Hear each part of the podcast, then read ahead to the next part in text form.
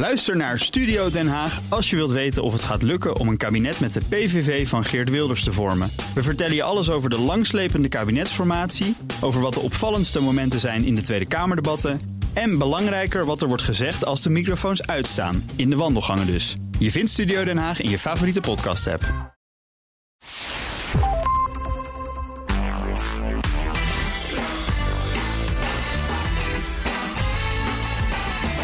Je luistert naar de Ben Tichelaar podcast, de podcast van BNR Nieuwsradio over persoonlijke en professionele groei. Mis je soms het overzicht in je werk? Stel je regelmatig dingen uit? Bedenk je ochtends wat je die dag wil doen en moet je dan aan het einde van de dag vaststellen dat het allemaal niet is gelukt? Eigenlijk willen we allemaal wel een beetje efficiënter worden, een uh, beetje productiever en liefst ook een beetje meer ontspannen. En we willen meer tijd overhouden voor familie en vrienden. Nou, Arjan Broeres werk is om die wensen in vervulling te laten gaan. Hij is management-auteur, trainer en specialist op het gebied van Getting Things Done. Arjan, welkom. Fijn dat je er bent. Dankjewel. Nou, efficiënter worden, productiever worden, meer ontspannen, meer tijd voor familie, en vrienden. Eh, geef je ook garanties op die punten? Ben ik wel benieuwd naar eigenlijk. Ja, zonder meer. Dat uh, lukt ongezien bij iedereen altijd. Dat lukt ongezien bij iedereen altijd. Je bent wel heel zeker van je zaak. Ja, ja. Het, het, het, domein van kenniswerk is iets waar niet zo heel veel nagedacht wordt over hoe doen we dat nou precies. Okay. Dus het, het moet raar lopen, wil er niet een verbetering zijn in digitale vaardigheden, geen aandacht in focus, in lezen, in nou, het inrichten van je werkplek. Er is zoveel wat relevant is en wat relatief weinig aandacht krijgt. Dus daar is veel terrein te winnen. Er is veel te, er is veel te winnen. Oké, dat is mooi. Dus eigenlijk de belofte van deze podcast is... als je goed oplet onderweg... dan aan het einde heb je een paar dingen geleerd... waarvan je denkt, oh, dat, dat moet ik echt eens gaan proberen. Ja, ja. Top, nou hartstikke mooi. Zeg, je bent helemaal gespecialiseerd in Getting Things Done. Dat is een methode van David Allen. Daar ben je gecertificeerd mastertrainer in. We willen natuurlijk even weten wat het precies betekent allemaal. Getting Things Done. Kun je even een hele korte samenvatting geven? Straks gaan we de stappen doen, maar ja. even heel kort samengevat. Wat is het als je er nog nooit van hebt gehoord? Ja, een productiviteitsmethode die aandacht centraal zet. En het centrale idee is als je aandacht hebt bij wat je hier en nu doet... ben je productiever, meer gefocust... En het managen van je aandacht is eigenlijk stap 1, 2 en 3. Ja, oké. Okay, dus dat je niet de hele tijd terwijl je met dingen bezig bent van oh, straks moet ik dat ja. doen of ben ik dat vergeten. Ja. Nou, dat, ja. dat, dat moet je uit je systeem hebben dus. Ja. En de Achilleshiel is vooral ongemanaged verplichtingen. Dingen die je nog had willen doen, zullen doen. Dat er ergens een muziekje speelt, kan je afleiden. Dat is zo gefixt. Maar het vage idee, ik moet nog iets doen... of ik had nog naar Fred beloofd te bellen... of die, die niet gemanagede verplichtingen... die halen je uit focus en die geven een voortdurend niveau van spanning. Oké, heel interessant. Nou, daar gaan we dus zo meteen dieper op in.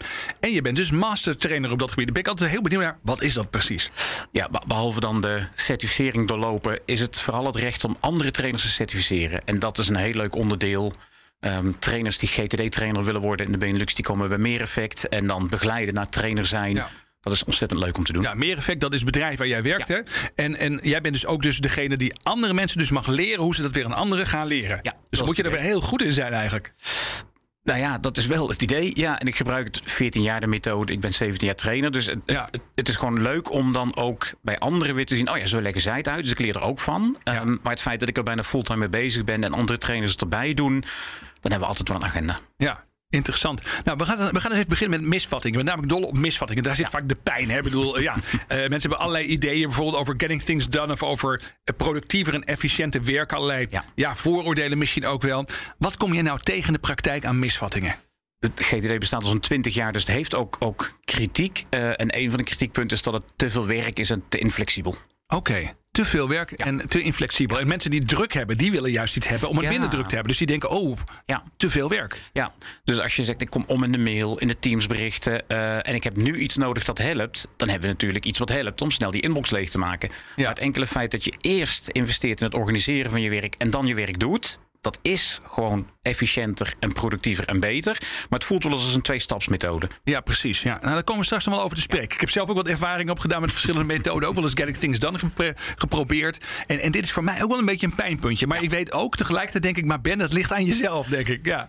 Ja, eh, het is wel interessant dat veel kenniswerkers hebben jarenlang gestudeerd en stoppen allerlei tijd in nascholing, bijscholing. Uh, dus dan is altijd wel vreemd als de manier om je werk te verzilveren, als dat te veel tijd zou kosten. Ja. He, je bent studieus in achtergrond, je hebt van alles nog wat gedaan. Als je een vak doet, snap je dat je gecalibreerd, gecertificeerd, dat hè, er zijn werkplekken Ja, waar je ja. binnen mag zonder certificaat. Maar je aandacht managen of je hard en software kennen, dat moet niet te veel tijd kosten. En uiteraard moet het ook niet te veel tijd kosten, maar vaak is een investering die loont om er toch beter in te worden. Ja, maar dat herken ik wel. Als ik dan zeg maar boeken moet lezen voor het schrijven van columns voor NRC bijvoorbeeld, dan denk ik, nou, dan ben ik met mijn werk bezig. En als ik dan na moet denken over hoe kan ik dan efficiënter en beter mijn werk Ja. gaan managen, dan, dan klinkt dan, dan het voelt een beetje als verloren tijd. Want ik had dan ook echt aan mijn column kunnen werken. Ja, of aan tien andere dingen. En dat is natuurlijk het nadeel van kenniswerken. Dat wat je doet, wanneer je doet, mag of moet je zelf weten. En die beslissingen nemen, die zijn niet evident. En hoe beter je wordt in die beslissingen nemen... maar dat is inderdaad een soort indirecte manier van je tijd besteden... die loont, daar ben ik zeker van. Maar het is wel even gas terugnemen om daarna te versnellen. Ja, precies. Je moet eerst even vertragen om te kunnen versnellen. Maar dat is een, inderdaad een paradoxaal gegeven. Is dat wat veel mensen tegenhoudt? Dat je dus eerst tijd moet investeren om later tijd te winnen? Het, het is niet de, de quick fix. En die hebben we ook. Hè. Dingen als sneltoetsen of beter worden in Outlook. Of er zijn ook dingen die je direct helpen. Ja. Maar het echte fundamentele verschil is overzicht en controle en dan kiezen. Ja. Een andere misvatting die ik wel eens hoor, is dat wanneer je dit soort methodes gebruikt, je zei net al een beetje inflexibel, denken sommige mensen, eh, dat je dan onverwachte dingen, onderbrekingen bijvoorbeeld in je werk, dat je dat denkt te kunnen uitbannen. Dat je alles zou kunnen controleren. Ja. Maar dat is toch niet zo, geloof ik? Nee, hè? dat kan ook niet en het hoeft ook niet. Alleen wie van de twee is flexibeler? Hè? Iemand die zijn projecten en zijn agenda onder controle heeft en een verrassing krijgt. Of iemand die er een bende van maakt en een verrassing krijgt. Ja. Dus je bent juist wendbaarder door in controle te zijn. Want er komt een verrassing of een crisis of een collega heeft je dringend nodig. Ja. Twee telefoontjes en je agenda is omgezet. Terwijl als je niet weet wat je had zullen doen, ga je die collega helpen. En half denk je, of had ik iemand moeten bellen? Of had ik niet een afspraak? Of... Dus juist die controle maakt je wendbaar omdat het een middel is en geen doel. Ja, het grappige is, ik gebruik eigenlijk al jaren ook in mijn agenda dat ik blokjes iedere dag invul voor onverwachte dingen.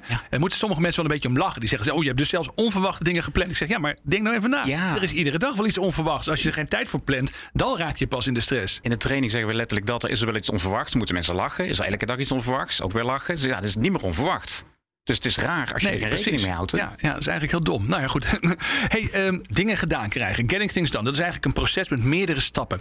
Zullen we er gewoon eens even induiken? Jij bent de mastertrainer. Jij gaat het mij eens uitleggen. Ja. Wat, wat, waar begint het nou eigenlijk precies mee? Waar, waar moeten we starten? Het idee is om eerst controle over werk en leven te krijgen. En dat zijn vijf stappen. En Ja. de eerste is verzamel. En De eerste stap is verzamelen. Ik pak gewoon een blaadje erbij. Ik ga het gewoon Ja. opschrijven. Ja. Eerste stap, verzamelen. Oké, staat genoteerd. En dan zullen we de eerst die vijf stappen even noemen. En ze dan eventjes gaan, Dan, eh, eh, wat gaan uitwerken. Beslis en organiseer je wat je verzameld hebt. Beslis en organiseer. Oké. Dan reflecteer je op wat je georganiseerd hebt. Reflecteert op wat je hebt georganiseerd. En dan doe je dat wat je kiest te doen met volle aandacht. Doe wat Stap je vijf wil is doen doen. met volle aandacht. Dat is, ik heb nu vier stappen. Ja, dus verzamel, beslis, organiseer, reflecteer, doen. Oké, oh, en eh, dat organiseren is dat de stap drie dan? Ja, ja, en eigenlijk doe je normaal beslissen en organiseren in één beweging. Als je beslist dat iets een taak is, zet je op je takenlijst. Ja. Alleen beslissen is universeel. Beslissen dat iets een taak is, is een taak. Alleen hoe je organiseert hangt sterk van het platform af. Daarom zitten ze uit elkaar. Maar in de praktijk is het één beweging. Oké, dus eigenlijk 2A en 2B zeg maar. Ja, dat was misschien beter geweest qua nummering. Hè? ja, Goed, ja. beslis. Sorry, verz- verzamel. Beslis. Beslis en organiseer.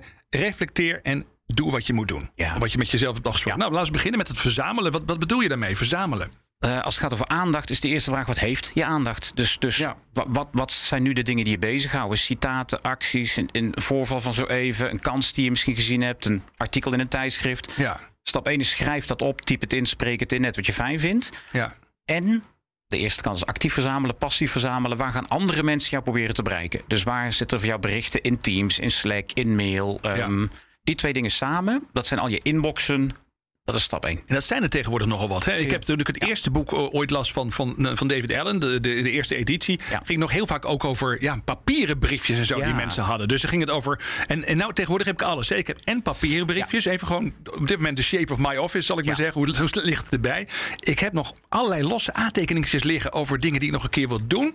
Dan heb ik ook WhatsAppjes binnengekregen van mensen die iets willen doen. Ik heb mailtjes. Er staan dingen in mijn agenda die moeten gebeuren. Heel veel. Ja, en ook voice memo's. Dat zei je net ook inderdaad. Ik zit soms in de auto. Dan heb ik even niets om op te schrijven. Dan spreek ik op mijn telefoon zo'n voice memo in. Ja. Dus het zit overal. En, en hoe ga je dat dan, als je dan zegt verzamelen? Betekent dat dan dat je het allemaal eerst naar één systeem brengt? Of hoe doe je dat dan? Niet per se. Dus je gaat kijken wat, is, wat, is, eh, wat kun je stroomlijnen. Dus als je aan je bureau zit en je merkt dat je af en toe schrijft en af en toe OneNote gebruikt, dan is dan is het dubbel op. Eh, Ja. Als je in een bespreking merkt dat je soms OneNote gebruikt, of soms de handout en soms een notitieboekje.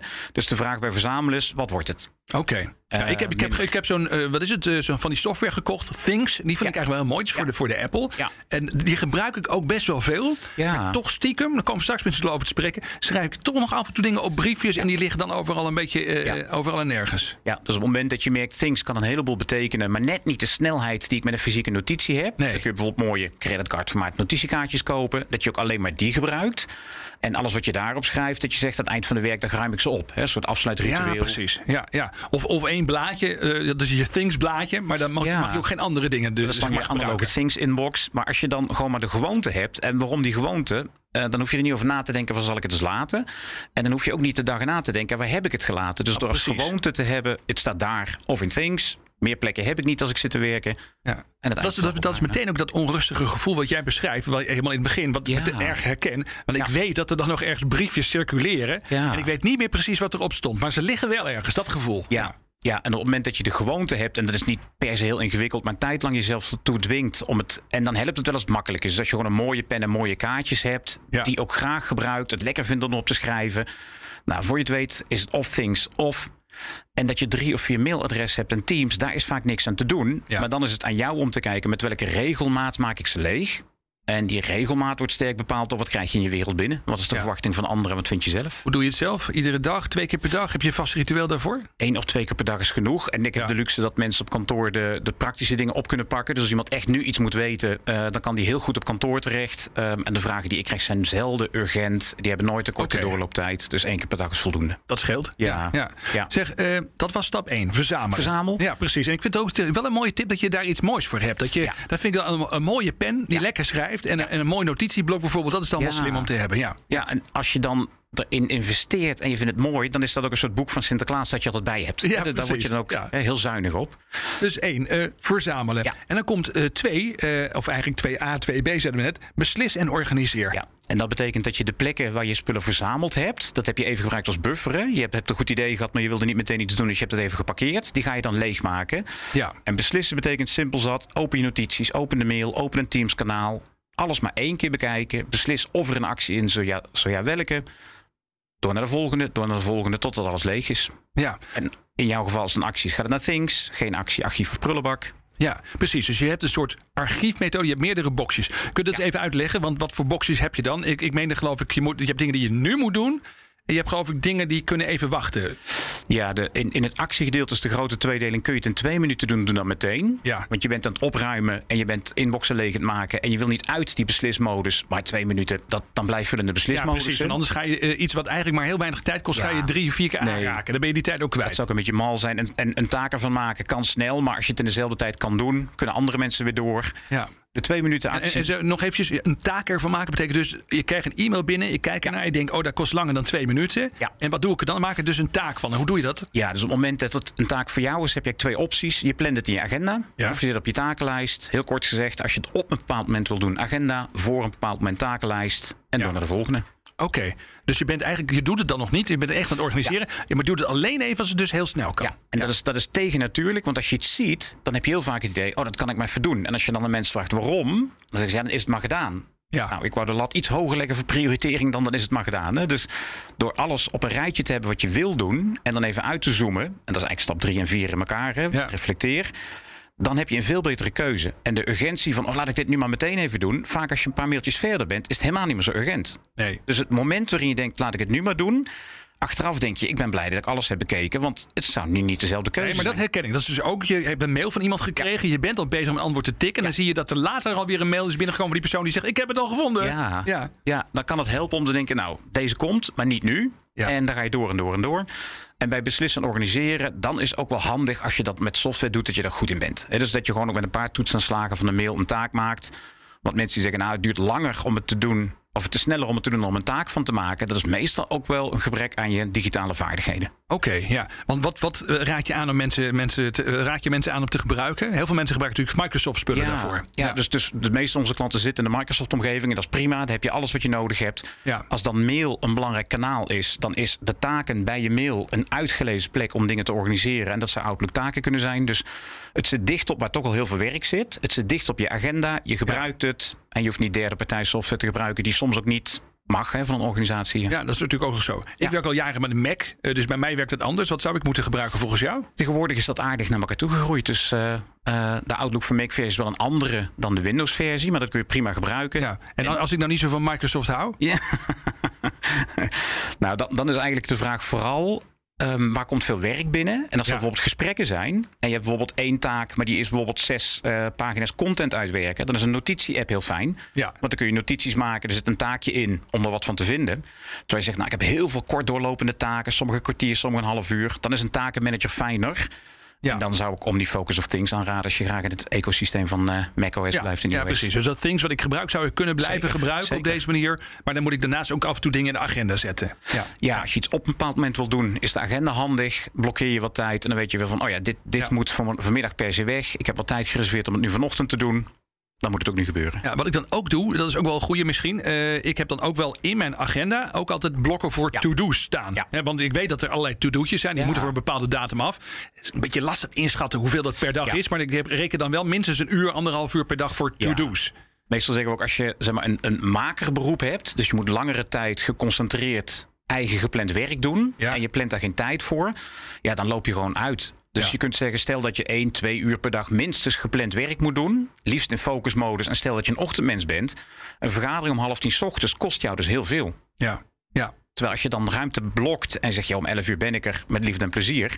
Maar dan heb ik mijn focuswerk al gedaan. Heb ik de dag eigenlijk al verdiend. Ja. Nou, dan zit je ook heel anders in die vergadering dan met de onrust van ik moet nog dit en ik moet nog Ja, dat. is wel herkenbaar. Ja, ik moet wel eerlijk zeggen, mijn focuswerk eh, doe ik het liefste eigenlijk op het moment dat de rest van de wereld nog niet wakker is. Dan weet je helemaal zeker dat, ze, dat ze je niet kunnen storen. Ja, ja. Hoewel het ook soms wel een wedloop lijkt van wie er nog eerder is. Hè? Maar oh, ik ben altijd eerder. Ja. Goed. Hey, eh, we waren bezig met die stappen. Dus verzamelen en uh, beslissen en organiseren. En dan gaan we naar de volgende stap, reflecteren ja, dus dat betekent, en dat is ook een van de klachten van GTD. Ja, dan heb ik alles in uh, een takenlijst gezet. Dan heb ik zoveel taken. Nou, ten eerste staat er niks op wat je niet zelf aan verplichtingen aangegaan bent. Hè? Dus dat is de eerste stap. Hè? Misschien minder verplichtingen op je nemen. Ja. En het tweede is, als je nou heel veel dingen kunt doen als kenniswerk, heb je veel autonomie, dan mag je vaak kiezen. Nou, okay, dat is reflecteren. Bijvoorbeeld een dagstart en een dagsluiting. Een paar minuutjes begin van de dag, eind van de dag. En één keer per week het beroemde wekelijks onderhoud. Ja. Uitzoomen, pas op de plaats maken. Die dag start in dag einde, dat doe ik dus wel goed. Ja. Dat lukt mij heel goed. Ik weet dat ik als ik de dag niet eventjes zeg maar, met een stukje reflectie begin... dan denk van oké, maar wat vind ik vandaag echt het belangrijkste? Wat moet vandaag echt af? En dan ga ik nog toch vaak een beetje nog in de agenda schuiven... of met de to-do schuiven. Maar dat is heerlijk, want dan weet ik oké, deze dag ga ik goed besteden. En aan het eind van de dag kijk ik dan eventjes terug. Soms zijn dingen niet gelukt, andere wel. Sommige zijn toch minder belangrijk geworden, blijkt. Dus iedere dag verandert er wel iets. Maar dat is wekelijkse onderhoud iedere vrijdagmiddag, dat heb ik mezelf dan voorgenomen. Even kijken hoe is deze week gegaan. Hoe gaan we de volgende week dan weer in? Ja. En, en ook dat systeem dan opschonen, weet je wel. Dus ja. die, die, lijst met, uh, die, die lijst in Things, die agenda. En daar, vind ik, ja, daar heb ik dan geen zin meer in op vrijdagmiddag. Nee, nee dus, dus het eerste wat we ook altijd onderzoeken is... wat is nou een goed moment in de week? Want klassiek is het een sluiting, uh, weekly review. Maar dan zou ik mensen zeggen, nou, ik doe het weekly preview. Hè? Ik heb liever het begin van de week. Oh, dat klinkt een weekly preview. ja. Stel dat je ook bijvoorbeeld een managementbijeenkomst hebt en uh, een overzicht van je projecten wil geven. Als je daarvoor een uh, review doet, ben je helemaal in controle. Dus dan kun je hem verzilveren. Dus stel dat je zegt, ja. ja. ik vind het in mijn eentje niet leuk om te doen, maar ik vind het wel lekker om daarna in die vergadering. Soms is het ook te lang. Hè? Dan merk je door de week heen heb je het een beetje laten versloffen. Dus je moet in het, in het wekelijks onderhoud heel veel achterstand wegwerken. Probeer dan toch door de week heen vaker die inboxen naar nul te brengen, je notities te verwerken. Want anders is het vooral inhalen Terwijl eigenlijk is het review vooral fijn als het gaat over prioriteren, reflecteren, vooruitkijken. Ja. Dat doet bijna iedere kenniswerker graag. Maar het opruimen is meestal wat corvée. Ja, dat is ook een beetje corvée. Want ik heb het nu vaak, als ik eerlijk ben, en kijk even, wat doe ik dan precies? Op maandagochtend doe ik nu vaak. Ja. Dus op maandagochtend heb ik altijd overleg met mijn secretariaat. Dan kijken we ja. de week zeg maar vooruit. En ook vaak even twee, drie weken vooruit. Maar dan week twee en drie zou ik maar zeggen, iets meer grofmazig. En, en wat fijnmazig, zeg maar, de huidige week. Kijken ja. van hoe, hoe gaat die week eruit zien? Moet er nog wat geschoven? Is dat allemaal mogelijk? Hoe gaat het met de reistijden? Is het allemaal goed? Lukt het qua voorbereiding. Weet je wel? Dus we nemen alles best in detail door. En dan om dat een beetje goed voor te bereiden op maandagochtend, eh, zorg ik dan dat ik ook dingen wegwerk. Maar dan begin je de maandagochtend dus met het wegwerken van achterstallige mail. Ja. Ik moet eerlijk zeggen dat ik dan maandagochtend wel eens denk, daar gaan we weer. Weet je wel? Dat is natuurlijk ook niet leuk. Nee, dus je, je, je, zou kunnen kijken, lukt het door de week als ik bijvoorbeeld wat minder in energie zit. Een gesprekje is een paar minuten eerder klaar. Ik zit even te wachten op een afspraak. Lukt het om dan even wat opruim, wegwerk, ja. notitietjes te scannen. Uh, misschien kun je sommige acties die klein zijn een 10 minuten labeltje geven. Dat je die dan even wegtikt. Dus dat moment Je ook ontlasten. wel mooi, hè? dingen wegtikken, inderdaad. Want het, is, het Ja. voelt ook echt wel een beetje als carvé. Het is toch aardappelschillen gewoon. Ja, en het hoort natuurlijk bij je werk om dat te doen. Ja. Eh, tegelijkertijd is het zonde om het in piekmomenten te doen. Dus kun je zo organiseren dat je eraan toe komt. Als je eigenlijk zegt, ik zit wat laag in energie, ik heb niet heel veel tijd. Ideaal om nu te doen. Dus Ja. als je een ochtendmens bent en je wil in je week beginnen en je moet dat doen. Ja, dat is met je contrekeur. Hè? Dat, dat, dat, Ja. is, dat is niet de meest natuurlijke manier. Hè? Ja, nou, we hebben aardig wat stappen doorlopen. Het verzamelen, beslissen, organiseren, reflecteren. En dan moet je het daarna gewoon doen, hè, zeg Dat is doen. En bij doen dat kijken vinden we- mensen nog wel eens lastig. Ja. Uitstelgedrag is natuurlijk iets waar veel mensen ook in de training graag wat eh, advies op krijgen. Ja. Nou, als je bij reflecteren je prioriteiten helder hebt, de dagstart helder hebt, dan is het dan doen. En dat betekent ook managen van onderbrekingen. En dat is ook een van de misvattingen bij productiviteit: dat een onderbreking niet nuttig zou zijn. Ja. Of niet productief. Of aan het eind van de dag, ik heb zo weinig gedaan. Wat dan? Ja, eh, onderbrekingen. Je hebt een heleboel mensen geholpen. Dat lijkt me een heel fijne, nuttige dag. Op zijn Ja. minst voor Ja. al die andere mensen. Ja, nee, zeker. En bedoel, soms gaat het ook over juist de langdurige onderbrekingen. zijn vaak dingen die met persoonlijke zaken te maken Zeker. hebben. Die ook En, echt terecht aandacht vragen. Ja. En als het niet zo is, helpt het wel als je referentie hebt. Dus als je zegt, nou, ik zou dit doen, dit dient zich aan. Ik kan nou in ieder geval een bewustere keuze maken om bijvoorbeeld te zeggen, ja, ik wil je graag helpen, laat dan vanmiddag doen. Of wil je even een paar dingen uitzoeken en dan gaan we er zo even voor zitten. Ja. Dat is in ieder geval nog beter, omdat je referentie hebt. Dit wilde ik doen en dit dient zich aan. Ja. Maar het idee dat een onderbreking spanning oproept. Dus het idee is eigenlijk door in controle te zijn, is een onderbreking interessant. Je Ja. kijkt wat het is en je schat het in voor wat het is. En je overreageert niet, je onderreageert niet. En die alertheid maakt ook dat je meer een teamspeler bent. En dat zou je misschien niet zeggen dat je met je lijstjes meer een teamspeler bent, maar het is wel zo. Ja, waar we in het begin al even over hadden. Dus dat je bijvoorbeeld ook inderdaad die tijd plant voor onverwachte gebeurtenissen. Ik moet eerlijk zeggen, dat heeft mij sinds ik dat doe een aantal jaren gegeven dat ontzettend veel rust. Ehm, en dat gaat dan inderdaad vaak om mensen die iets van je willen, wat echt Ja. best wel belangrijk is. Zeker voor die mensen. En anders dan was het eigenlijk, raakte ik daarvan in de stress. Dus dan wil je het ook een beetje afraffelen, een beetje te snel. Ja. Ja. Ja, ik denk dat, dat die klassieke nu even niet reclame, hè, dat, dat, dat de Ja. zoveelste die vraagt, de druppel die de emmer doet overlopen. En je merkt het ook een beetje met hybride werk, hè, dat mensen die zitten thuis zeggen, nou veel minder onderbreking, veel fijner. Ik denk, ja. Ja. maar misschien moet je dan in de kantooromgeving iets beter managen, hoe je met elkaars tijd en aandacht omgaat. Want het is belangrijk dat je samenwerkt, maar het moet wel zijn samenwerken. Ja. Is jouw conclusie ook, want dat is een beetje wat mij opvalt. Als ik het echt goed op een rijtje zet. Mhm. En ik loop er echt af en toe eens even goed doorheen. Dan kom ik toch tot de conclusie dat ik vaak toch te veel in dat systeem probeer te duwen. Dat het gewoon eigenlijk niet gaat. Dat er te, wei- Ja. te weinig marge in zit. Is dat een conclusie die veel mensen trekken als ze zo'n cursus hebben gedaan? Ja, dus sommige mensen gebruiken het ook en zeggen, nou die lijst is veel te lang, ik raak in de stress. Ze zeggen, nou zet er dan bij, ik raak in de stress van mijn lijst. Want dat moeten Ja. we dan dadelijk ook gaan fixen. Dus het helpt om het in de pen te krijgen. En het is soms ook wel eens een keer zo dat je denkt, ja maar wat kan er op een dag, dat vind ik weinig. Maar ja, een prettig gevoel aan het eind van de dag en een spel spelen dat je kan winnen.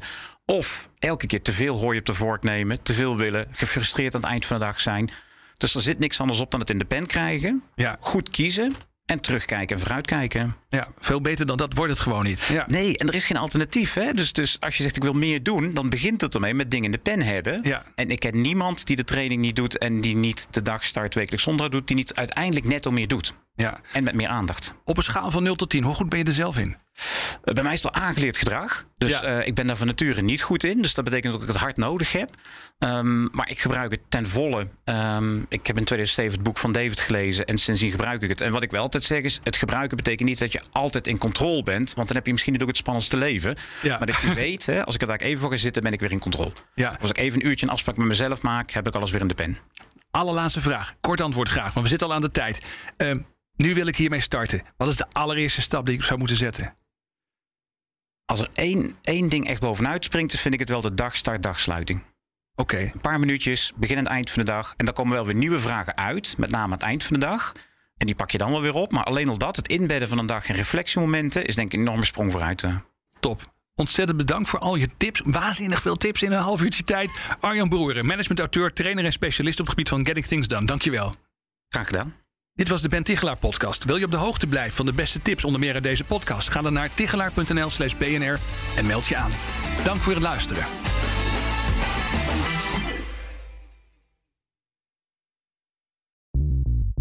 Bij BNR ben je altijd als eerste op de hoogte van het laatste nieuws. Luister dagelijks live via internet. Bas van Werven. En heel langzaam komt de zon op rond dit tijdstip. Je krijgt inzicht in de dag die komt op BNR, het Binnenhof in Nederland en de rest van de wereld. De Ochtendspits. Voor de beste start van je werkdag. Blijf scherp en mis niets.